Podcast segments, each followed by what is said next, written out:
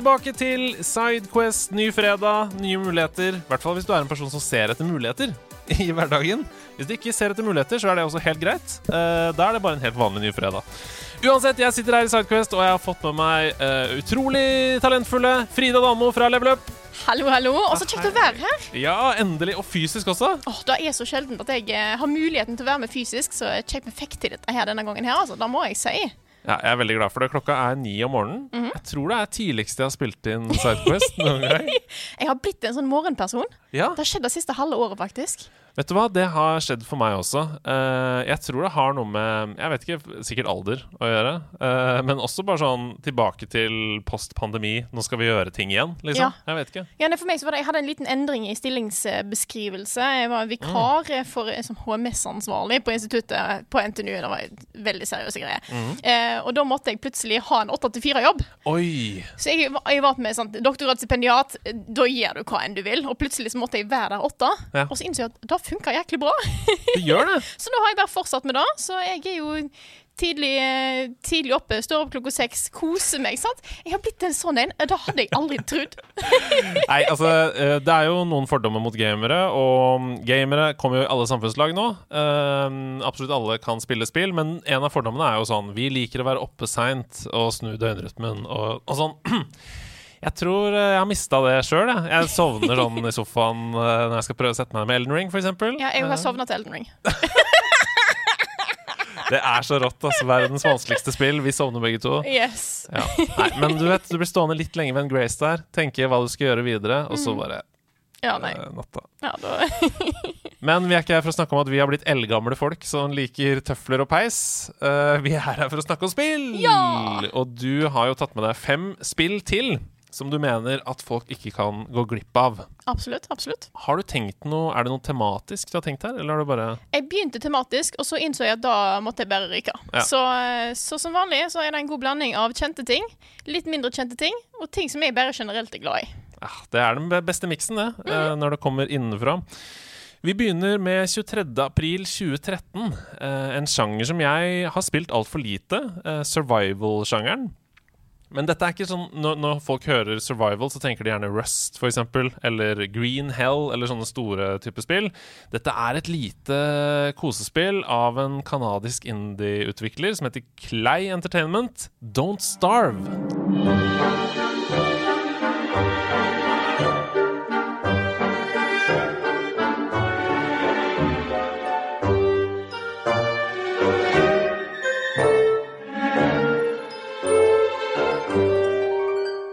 Don't Starve, ja. Don't Starve. Jeg er jo heller ikke en survival-person. Nei? Men jeg, jeg innser at eh, det er noen sjangere som jeg ikke vanligvis liker. Men hvis de gjør det på en litt sånn quirky, kanskje litt koselig, festlig måte, så, så er jeg der.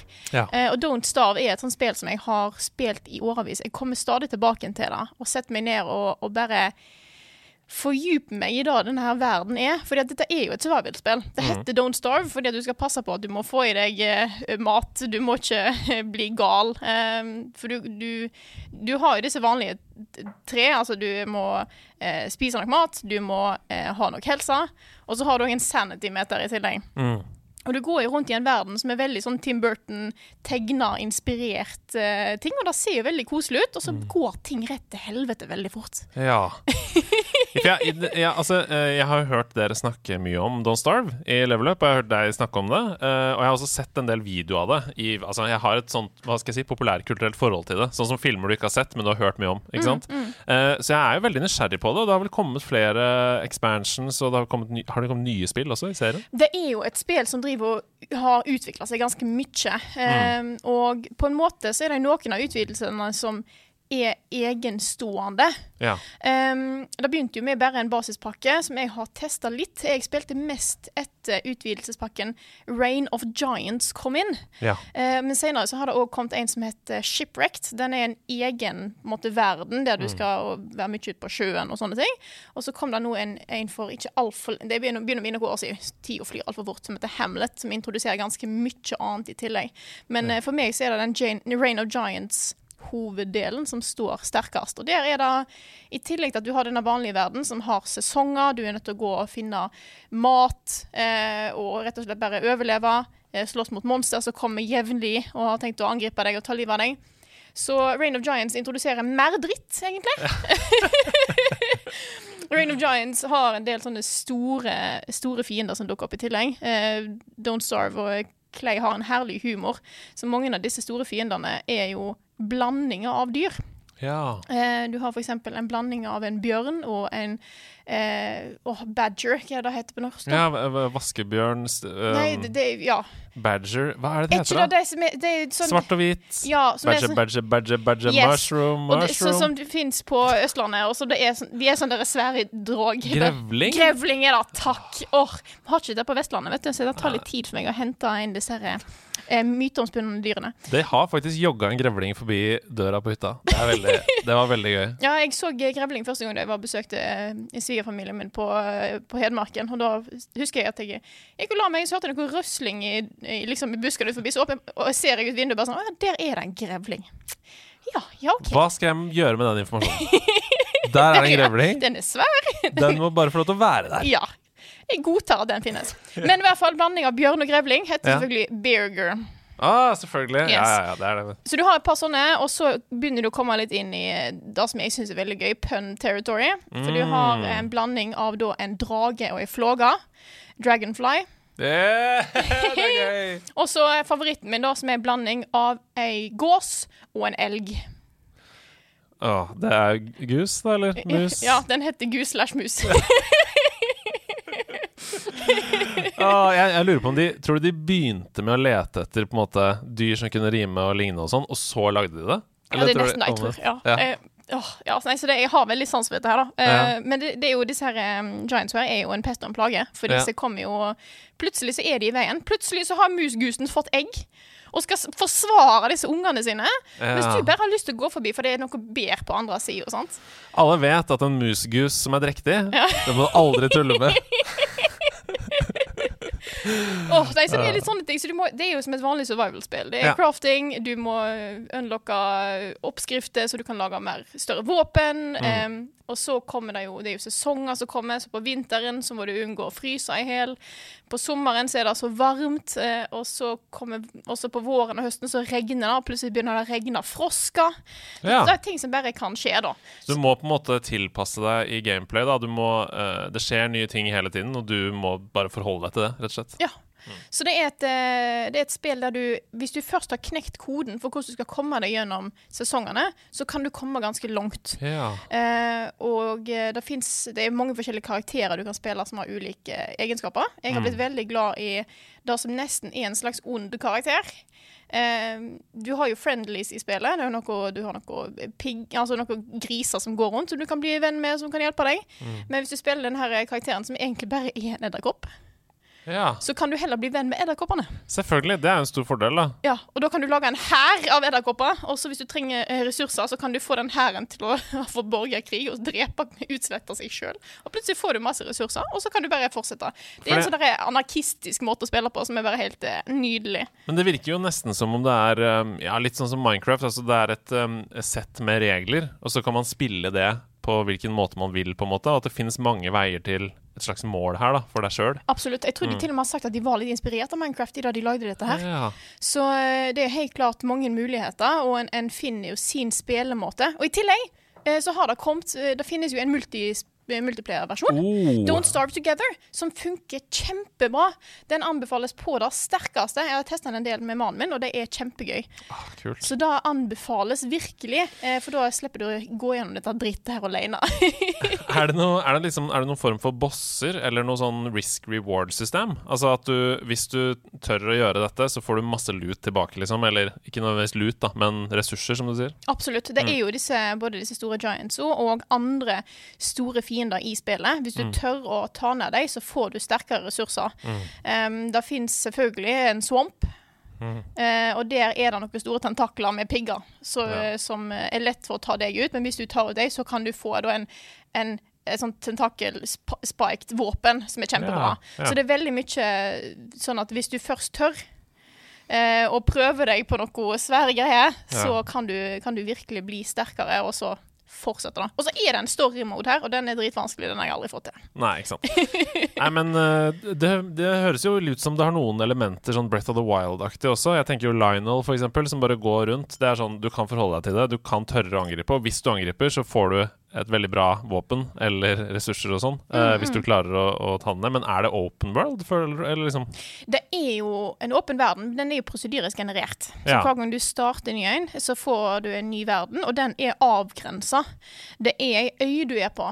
Sånn at uh, da jeg ofte starter med, er å på en måte finne ut hva uh, du har jo biomes som har ulike ressurser og sånne ting.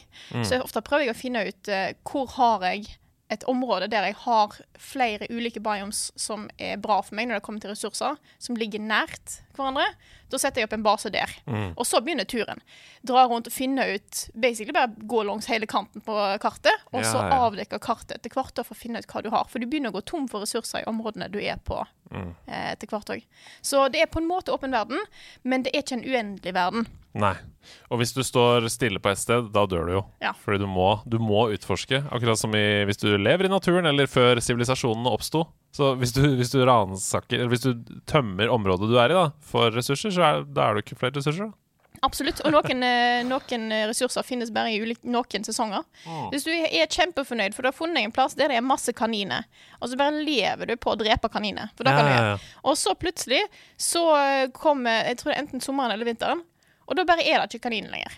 Sommeren, Da er de vekk. Det er et slags game of life der. Det er Vi, det er noe til ettertanke for oss i menneskeheten. Må ikke fiske for mye i havene, f.eks.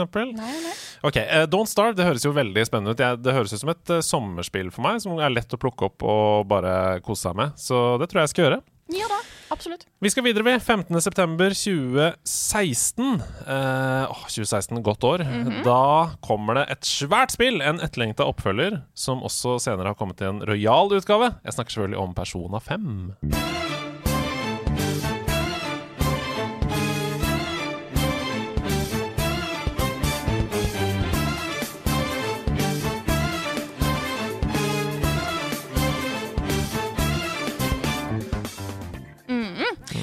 Persona 5 er et spill som både overrasker meg at jeg har spilt gjennom, Ja. og ikke i det hele tatt. Ja, fordi det er mitt første spørsmål. Ja. Det er jo veldig stort, og varer jo i fryktelig mange timer hvis man vil.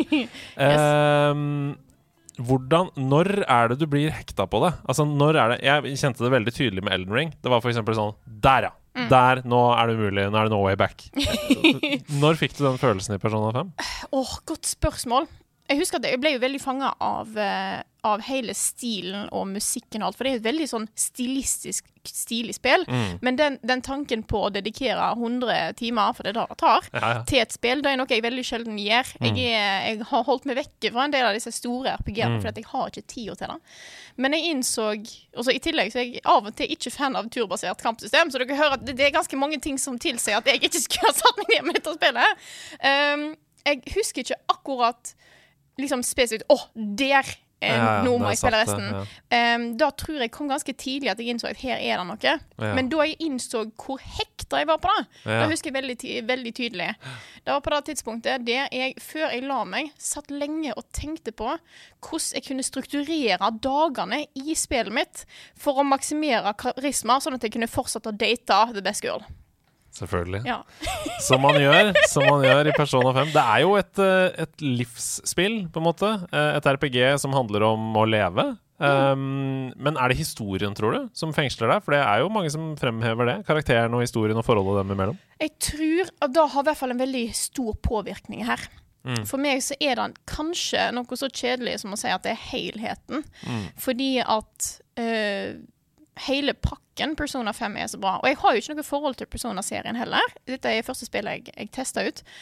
Og jeg tror det som for meg er best, er måten du blir så engasjert i dette her. Fordi Mm. at karakterene er stilige, og historien liker jeg veldig godt, men hele verden er det noe fascinerende over. Uh, og da at eh, liksom Å grinder karisma og alt dette her, at det er gøy i tillegg, fordi at du føler at du virkelig tar en del i verden her Mm. er på en måte det jeg eh, satt igjen med som en sånn åh, dette klarte dette spillet å gjøre veldig bra. Mm. Men, men eh, musikken er jo en egen klasse for seg sjøl, og bare hele designet her, det er jo veldig sånn grafisk, nesten sånn Kanskje litt sånn graffitiaktig. Veldig mye sterke farger. De har jo gått for Rød er jo hovedfargen her i dette spillet her.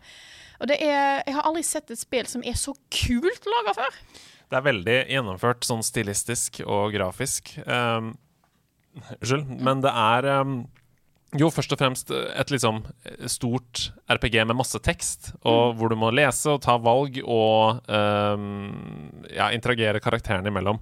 Men fortell litt om historien her. Hva er det som skjer i Persona 5? Persona 5 da starter jo med at du er en, eh, en, eh, en eh, hva skal jeg si, eh, gutt som, eh, som til, må flytte til eh, Tokyo og gå på skole der. Og får seg et par venner, og så viser det seg at eh, på skolen så er det en gymlærer som er noe dritt. Mm. Han eh, er, driver og trakasserer en del jenter og sånne ting. Og så plutselig får du på telefonen din tilgang til en app som kan sende deg til en egen verden. Eh, som på en måte kan da vise eh, hjertene og folk sine egentlige intensjoner, og hvordan de egentlig er. Eh, og ordentlig fæle folk. De får sine egne palass, da, som du da kan eh, gå inn i eh, og prøve å få endra hvordan de oppfører seg. Mm. eh, change of hearts. Så, eh, så du ender opp med å både være på en bare en vanlig en, high school kid som går og gjør high school kid-ting. og har og, sine problemer, da, ikke minst. Mm. Absolutt. Du er nødt til å lese for å bli flink på skolen og alt sånne ting. Og så eh, er du en superhelt i en egen dimensjon som slåss mot monster og eh, for å prøve å eh, gjøre verden rundt deg til en bedre plass. da. Og så kommer du stadig borti eh, større og fælere folk eh, med hver sine palass som du da må eh, inn i og, og, og hjelpe, da. Eller eh, endre. Mm. Hvordan er liksom gameplayet Du sier turbasert, men er det sånn at du får som et RPG hvor du får bedre armor, bedre våpen uh, og, og blir uh, kraftigere på den måten, eller blir du bare sterkere selv? Du sier du investerer poeng i et skill-tre, sånn som karisma og sånn, men åssen er det det virker? Eh, Skill-tre med karisma og sånt, eh, det har mest med forholdet ditt til andre karakterer å gjøre.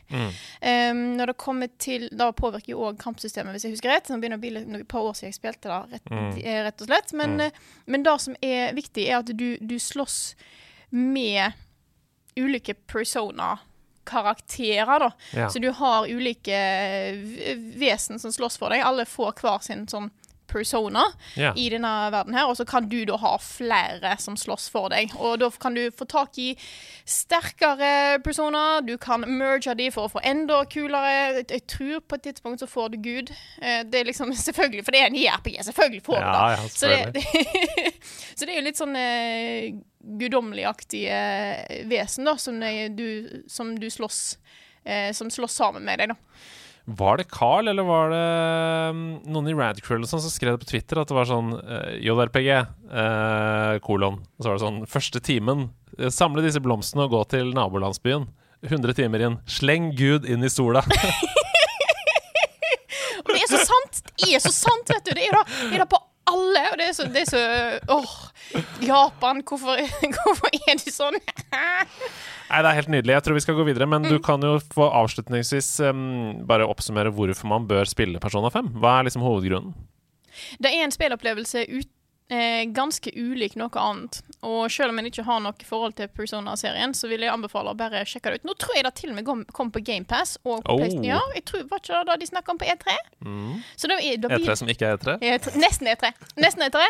Eh, så nå, nå blir det jo tilgjengelig, sant. Jeg tror Ja, til og med den vanlige versjonen er den tilgjengelig på den der eh, PlayStation 5 Collection-tingene. Ja, det høres kanskje riktig ut. Jeg, Mm. jeg mener jeg har sett det i sted. Jeg har spilt eh, de første to timene av Mm. Persona 5, Mm. eh, og så kom jeg til samme konklusjon som du trodde du skulle komme til. Ja. Dette har jeg ikke kapasitet til.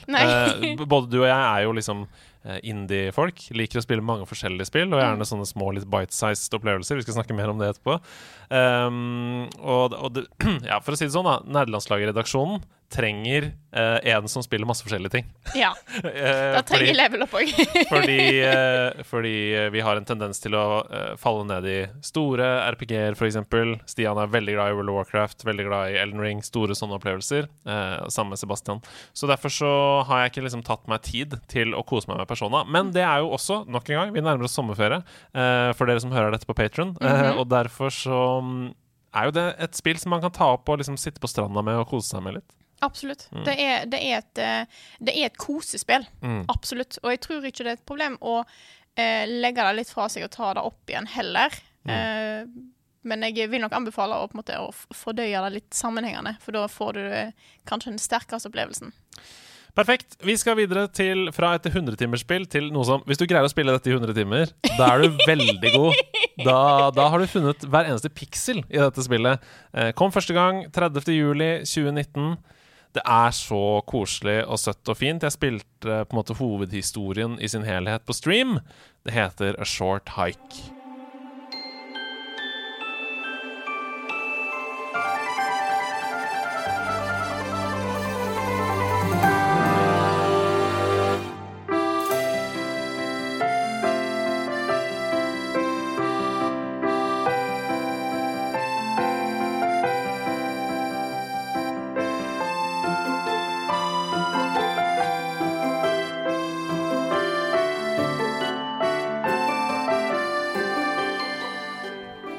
Short Hike er jo bare rett og slett det koseligste spillet jeg vet om. Mm. Og eh, det var 2019, sant? Mm. Fordi jeg kan huske at jeg spilte det rett før, eh, rett før jul 2019. Og dette var jo samtidig som jeg satt og venta på Animal Crossing New Horizons. Mm. Og dette gir meg veldig samme følelsen i veldig mange, eh, i veldig mange deler av spillet. For dette er jo et spill der du spiller en fugl, pingvin, eh, noe sånt, eh, som er på besøk hos ei tante på øy, eller ja, på øya her.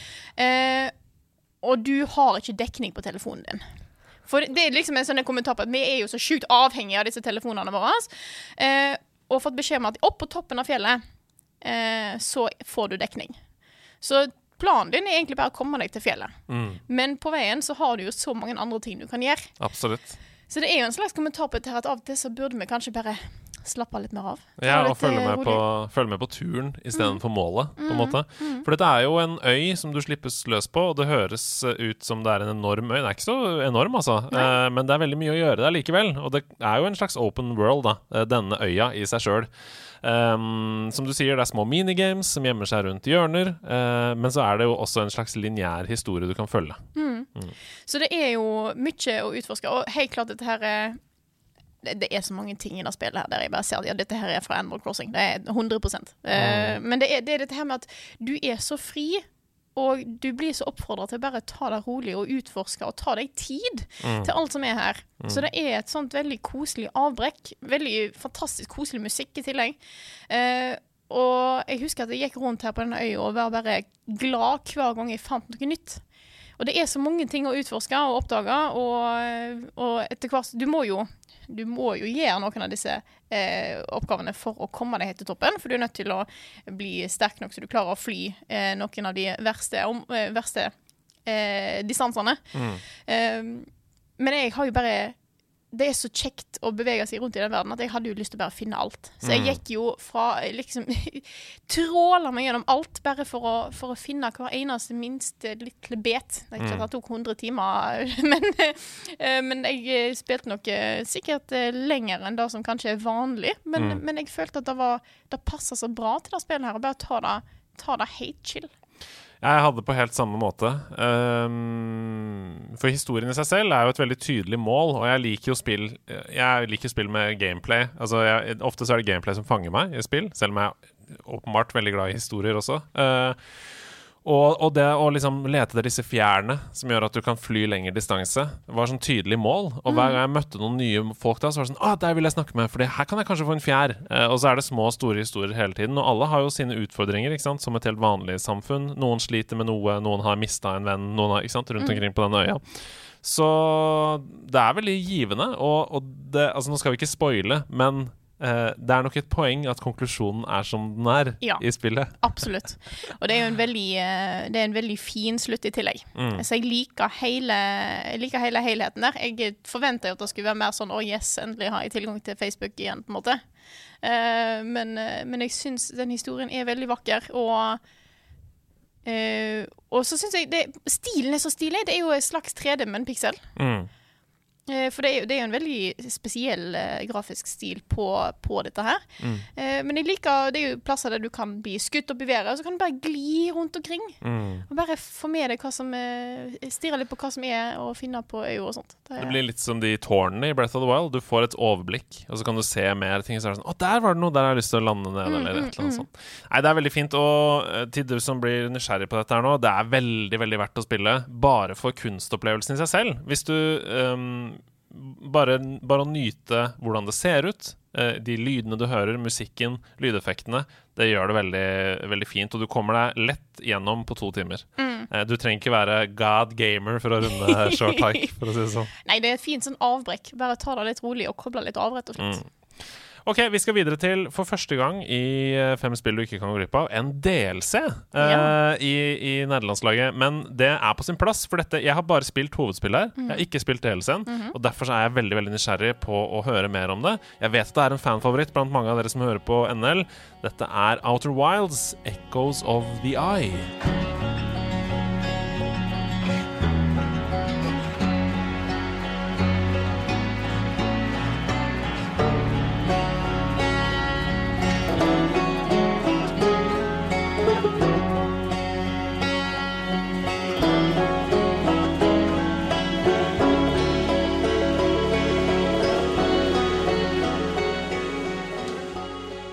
Og jeg snakka jo faktisk om Out of Wilds i den forrige uh, fem spill du ikke kan gå glipp av. og Derfor tenkte jeg at dette her passer veldig fint inn. For jeg bare rekte selvfølgelig med at alle har hørt på alle de tidligere episodene. Men jeg kan ta en oppsummering hvis ikke du har et forhold til Out of Wilds. of Wilds er jo et, uh, et adventure-spill satt i verdensrommet i en liten Eh, liten galakse eh, med veldig mye søte planeter. Mm. Og, en, eh, og, et folkeslag som eh, er veldig glad i eh, å dra til verdensrommet. De, de er fortsatt litt sånn low-tech. De er ikke helt gode på det ennå. Nei, rakettene er liksom plastra sammen med gaffateip, og, men det går på et vis. Det er litt jank, for å si det sånn. Ja. Men du har fått et, et instrument da, som kan dekode teksten og, og info fra en gammel sivilisasjon, og så må du finne ut hva som har skjedd med den gamle sivilisasjonen. Mm. Og så, spoiler, etter 21 minutter så går eh, solsystemet under. Mm. Eh, Solo eksploderer. Så du skal både finne ut hva som har skjedd her før, og finne ut hvorfor sprenger sola, mm. i den loopen som du havner i. For dette er jo en fin sånn gameplay-loop, for du blir sendt tilbake igjen med all info intakt. Eh, og så skal du på en måte bare fortsette å utforske dette universet. Mm. Og jeg syns jo at Out of Wilds er en veldig fin, komplett opplevelse. Men så kom Echoes of the Eye. Og det tok meg ganske lang tid før jeg faktisk satte meg ned med det. Jeg mm. satte meg hovedsakelig ned med det fordi at mannen min spilte det og ble helt bergtatt. Uh, og Echoes of the Eye introduserer en ny ting i solsystemet. Mm. Plutselig så er det en gjemt romstasjon som du ikke kan finne hvis ikke du fra, kommer fra en spesiell Du drar ut til en, til en satellitt som har visst gitt litt feilinformasjon. Oh, ja. Og så, hvis du, hvis du står på den ved rett måte, vinkel som den er i, så ser du at det dukker opp en svart flekk foran sola. Oh. Og der er det da en gjemt romstasjon. Oi, oi, oi. Og dette er nesten eh, den vanskelig å snakke om uten å spoile det ting. Ja. Eh, men jeg skal prøve å gjøre så godt jeg kan. Ja. For du kommer til denne romstasjonen og innser at det er enda en sivilisasjon som har vært i dette området. Okay.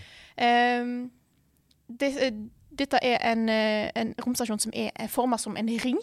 Mhm. Eh, så den går i den For å ha gravitasjon og sånn, så spinner den jo. Som i det, Å, hvilke andre filmer? Eh, Jeg tenker på Eh, Inters, eh, Interstellar. Ja, er Interstellar har jo det. Mm. Ja, Ringen. Ja. Mm. Og her er det òg I den her så er det ei elv som renner. Så du drar mye med båt for å komme rundt, og så ser du på en måte bare se elva gå opp og rundt deg. Å, det Eh, der er så fascinerende. Og det er masse bygninger, trebygninger, som ser kjempegamle ut. Og Mm. du finner masse eh, Det er altså den andre sivilisasjonen du har i hovedspillet, har tekst. Så har disse bilder.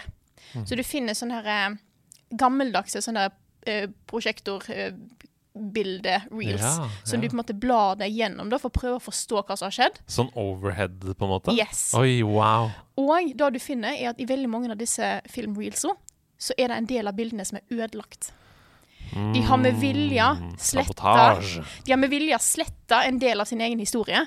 Eh, mm, og du må prøve å unlocke dette her, da. Eh, og etter hvert så eh, kommer du Dette er eh, Det kan høres ut som spoiler, men dette finner du ganske tidlig. Ja. Du finner noen av kroppene til okay, eh, wow. beings her. Eh, så du på en måte vet at OK, de har vært her. De har dødd ut. Du finner masse bilder av de på veggene. Å, fy fader, dette er creepy beings! Men det høres nesten ut som en horror Det er litt horror i seg. Ja, ja. Det er en skummel og spooky delelse. Mm. Eh, det er mørkt. Mm. Eh, det tar fram ganske eh, creepy Både litt tematikk, men mest en stemning. Ja. For eh, du kommer til noen områder etter hvert som rett og slett bare er skikkelig, skikkelig spooky. For er det, er det Luigi's Mansion skummelt, eller er det liksom eh, Gone Home skummelt, hvis du skjønner? Altså, Mhm. Gone Home er jo bare det fraværet av at det ikke er noe der, som mm. gjør det ekkelt, da, syns jeg. Det er Du har helt klart litt Gone Home-stemning innimellom, ja. Mm. Uh, du har det. Det er den her eh, Det at du går rundt og ikke vet helt hva som kommer til å møte deg. Mm, mm. Og, og eh, noen områder er, er mørke, og du har bare ei enkel lommelykt for, for å lyse opp dette her. Og spesielt at disse beingsa ser så jæklig creepy ut. Wow. Det, så det er, det er noe helt spesielt med det. Og historien, etter hvert som du eh, utforsker denne her og finner ut av denne her, eh, så er det litt Du får de samme aha-opplevelsene som du får i hovedspillet. Mm. Eh, når du plutselig oppdager én ting, så plutselig innser du å ja, shit, da kan jeg utforske denne verden her på en helt ny måte. Mm. Og alt dette her ligger gjemt. Og veldig mange av disse tingene eh, kunne en ha bare på en måte tilfeldigvis kommet borti. Fordi at det er ikke sånn at du får en ny oppgradering eller en ny, eh, et nytt skillset eller en ny jetpack eller noe sånt. Du bare på en måte utforsker og forstår mer og mer av spillet. Eh, og mer og mer av verden du er i. Og kan derfor pro eh, eh, rett og slett bare progresse på den måten. Mm, mm. Så i dag du vet alt som du har skjønt alt om verden, så kan du jo fullføre alt på én loop, sånn som du Ja. kunne med originalen. For det var det neste spørsmålet mitt. Om det er gameplay loops her også? Altså tidsloops, da? 20 minutter, liksom? Absolutt. Verden går fortsatt, eh, Solo går fortsatt unna. Du Mm. er fortsatt i samme solsystemet. Ja. Eh, så det som er litt interessant her, er jo òg hvordan dette her blir knytta sammen med hovedhistorien. Mm. For dette her er en veldig enkeltstående DLC. Den har sin egen eh, historie, sin eget, sitt eget område. Du er nesten kun inne på den egne romstasjonen. Um, men DLC-en er jo sånn ti timer lang. Tenk på det. Han er, kjempe, han er nesten like lang som hovedspillet. Og eh, jeg må si at etter å ha spilt DLC-en, så føler jeg at den har gjort hele historien til en bedre totalsum. Dette her er, kunne jo vært en oppfølger, men Mm. da det er en DLC, gjør at jeg føler det treffer hardere. Ja, og det er de beste delscenene. Da, da er det på en måte et poeng med det, um, syns jeg. Sånn som Left Behind i, i The Last of Us. Uh, ja, den varer bare to timer, men den gjør hele pakka The Last of Us 1-2 eh, bedre. Mm. Fordi du lærer mer om karakterene, du forstår mer om valgene, eh, og ikke minst om forhistorie. Mm. Um, så det er de beste delscenene, de som knytter sammen. Og, og så er det jo veldig gøy å høre også at det er en så beefy pakke, da. Mm. Litt sånn som Red Dead um, Undead Nightmare, det første Red Dead-spillet, hadde jo også det Egentlig, tror jeg, eh, i min bok, den første ordentlig gode delscenen som kom. ja. Fordi det På den tiden så var DLC-er bare sånn eh, noen kosmetiske forandringer som du kunne laste ned til Wien din, liksom. Eh, men da kom den, og det er et helt nytt spill eh, i Red Dead-universet. Og etter det så var det No Way Back. Da var det det som var bransjestandarden. Jeg jeg, jeg liker å sammenligne den med Uh, The Old Hunters, DLC-en til Bloodborne. Veldig, veldig god sammenligning. Så, så ta og sjekk ut den. Men jeg vil helt klart anbefale å spille gjennom hovedhistorien først. Mm. Du trenger ikke nødvendigvis ha tatt aller siste loop i hovedhistorien. Eh, men du kan jo selvfølgelig bare fortsette på den. Men jeg vil sterkt, sterkt, sterkt, sterkt anbefale å fullføre hovedhistorien, og så ta DLC-en. Fantastisk. Vi går videre til det siste spillet på lista di. Det er en søtnos av en liten rev med, som begynner med en stokk i hånda, og som etter hvert blir så mye kraftigere enn det. Eh, det kom eh, 16. mars i år, og kommer vel eh, ja, Hvis ikke det skjer noe helt eh, brutalt, så kommer det nok til å være på mange sine topplister i løpet av når vi skal oppsummere, når vi snakker desember. Det er selvfølgelig Tunic.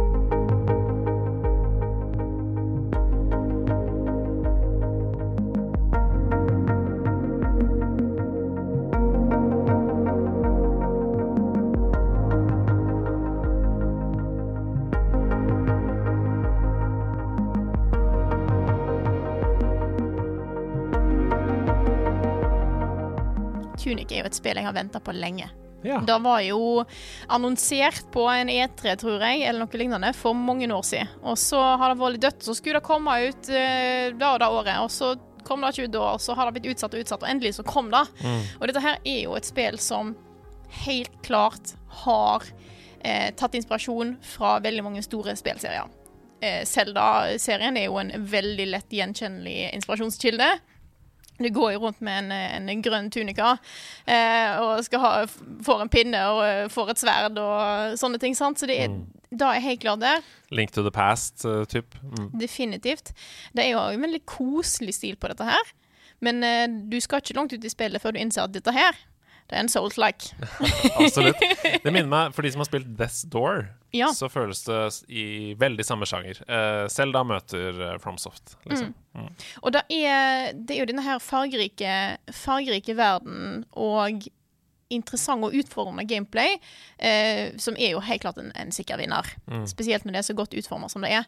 Så du går jo rundt på denne øya her og eh, prøver å få tak i sant? Du, får deg, eh, du får deg et sverd, du får deg et skjold, eh, og skal utforske og prøve å finne ut hva som er mysteriet her, fordi spillet er jo ikke på engelsk.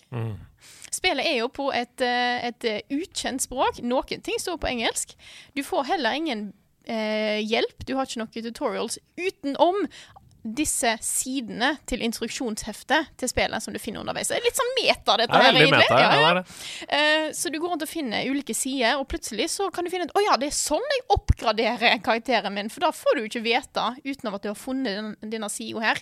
Du kan òg finne kart, enten til om der du er, sånn at du klarer å se OK, ja, der borte er det noe. Eller så finner du kart til områder du ikke har vært på ennå. Eh, jeg fant òg tidlig eh, side til som viste illustrasjoner av bosser som ikke hadde kommet til ennå. Så spillet driver og spoiler seg sjøl, egentlig, litt sånn jevnlig.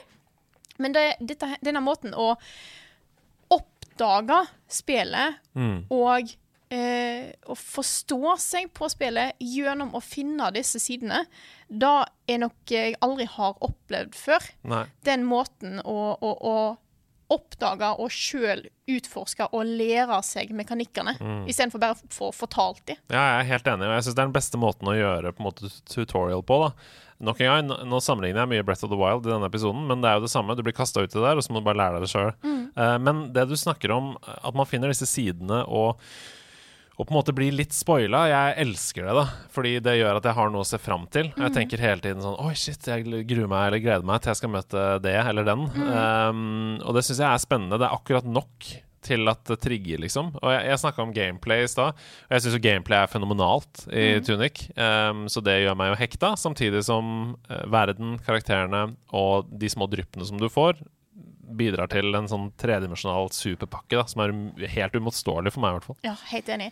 Og noen av områdene du kommer til, er jo utrolig stilig laga. Det er jo den, eh, det er et område som er sånn en quarry, som er ganske sånn herre eh, Kanskje litt sånn spacer og litt mm, Ja, det er mye engelske ord jeg kaster inn her i dag. Dere får bare holde ut med det i dag. Um, men, men det er Jeg syns det er utrolig mye stilig her, og jo mer jeg forstår av verden, jo mer liker jeg den. Mm. Og dette her er jo et spill du fint kan komme gjennom bare ved å se på dette her som et action-adventure-spill. Absolutt. Men Tunic har jo så mye mer. Åh. Jeg har jo gått liksom med hele, hele kroppen og dukka ned i hva Tunic er, og jeg har jo brukt uh, mye tid på å forstå hva som er bak her, fordi når du plutselig begynner å oppdage at det er jo puzzles inni her i tillegg ja, ja, ja, ja, ja. Fordi, OK, jeg eh, eh, denne, denne, denne boka, instruksjonsheftet du får, er jo hovedsakelig på et annet språk. Et skriftspråk som er ikke helt uh, forståelig. Ja, for jeg prøvde å finne ut med, i introen her mens du snakka, så prøvde jeg å finne ut om det har noe navn, det språket. Men det kalles vel bare a strange language. Ja, jeg tror det. Mm. Og etter hvert som du får uh, flere sider i dette, dette instruksjonsheftet, så ser du at noen av sidene har notat på seg. Mm. Og ei side har notat der de prøver å oversette språket til engelsk. Og da viser det hvem er det som har skrevet det? da vet du, Det er så spennende! Eh, men i tillegg så viser det jo da at dette språket kan du oversette til engelsk. Og jeg begynte på ah, det. søren. Er du tolken, eller hva er det som skjer? Etter, jeg, jeg, jeg satt og tenkte på det sånn derre Jeg skjønner ikke en dritt av dette her, hjelp meg, internett. Og så fikk jeg på en måte en litt sånn gist. Jeg skal ikke si hva det er, så folk kan på en måte eventuelt utforske det sjøl. Ja. Eh, men det er et system her. Ja. Og så begynte jeg å bruke det systemet og de hintene du får, til å prøve Ja. å oversette noen av de. Det er en del lyder, dette her, ikke nødvendigvis bokstaver. Um, og så kom jeg ganske langt, og så satte jeg meg litt fast. Og så fant jeg en oversettelse på internett for alfabetet, og så begynte eventyret. ja. Jeg hadde Fantastisk. Hele skrivebordet mitt var fullt av Post-It-lapper. Fordi Wow. at hvis du, hvis du først skal på en måte få med deg alle de store de siste store oppgavene, så må du forstå språket. Du må Mm. gå ganske dypt inn i hint, som i dette instruksjonsheftet. Uh, så jeg hadde symbol, jeg hadde tegninger, jeg hadde eh, Fordi det er en del av disse eh, puzzlesord som er i oververden, som bare er at du skal bevege stikkord i ulike retninger. Så jeg har masse sånne notat for hva, hva mønster og alt sånne ting. Og jeg har eh, I dag jeg hadde laget, for jeg anmeldte dette her, da hadde jeg ett sett med, med, med Post-It-lapper. Da var mest symbol og sånne ting. Og så var det neste sett etterpå, var jo med språket og forstå dette her. Og så er det jo enda mer, vet du, dette spillet her. Det er helt insane! Jeg skjønner ikke hvordan det går an for én person å få inn så mye Nei, kult i det For det er det. eh, det, det der, når man blir sendt ut som en sånn gal kriminell med sånn tråder som over tavla som går fra en Post-It-lapp til en annen, og det er connections overalt og sånn. Sånn var jeg da jeg spilte The Witness. Ja, sant. Da hadde jeg Post-It-lapper overalt. Yeah. Men, eh, men ja, det er jo helt fantastisk. For jeg, jeg tenkte jo først det også, at dette er sikkert bare gibberish eller sånn. Det er jo et indiespill, ikke sant. Så det er jo sikkert bare sånn eh, kunstnerisk frihet å skrive disse tingene. Men at det er et system, at det er, det er jo helt fantastisk. Eh, ja. Så det er, det er mer òg, men da, da skal jeg ikke gå inn på rett og slett Nei. pga. spoiler-reasons. Så Ja. da får, dere får utforske det sjøl, altså. Ja, ja, ja. Og, eh, og det er som du sa, at hvis du, hvis du ikke er så interessert i det dypet her, som er bare sånn uh, en bonus, Mm. så er det et fantastisk action-adventure-spill. Og gameplay i seg selv er kjempegøy. Mm. Så, så gå for det, tenker jeg. Absolutt. Jeg Mm. eh, gikk jo inn i dette her eh, puzzle-biten fordi jeg hadde lyst til det. Og Mm. det var jo først etter jeg var ferdig med hele spillet og elska det. Mm. Så, så det, det er jo bare en bonuspakke hvis du er interessert i den type ting. Og Mm. hvis du ikke er det, så er Tunic et fantastisk bra laga action-adven- action-adventure-spill, altså. Og med det så har vi kommet til veis ende, vi. Fem spill til du ikke kan gå glipp av. Nydelig variasjon i spillene, og øh, ja, så mange gode tips her. Jeg, jeg ser for meg at uh, her har man mange, mange uh, ting å ta tak i i løpet av sommeren, høsten, jula, når enn du måtte høre på dette her. Uh, disse spillene her kommer til å tåle tidens tann uansett. Tusen takk for at du var med, Frida. Bare hyggelig å være med. Det er alltid så hyggelig å besøke deg, så det må vi gjøre mer av. Allerede, allerede neste uke! Ja. Da skal vi snakke om en fyr som ikke har noen connection mellom lemmene sine. ha det! Ha det!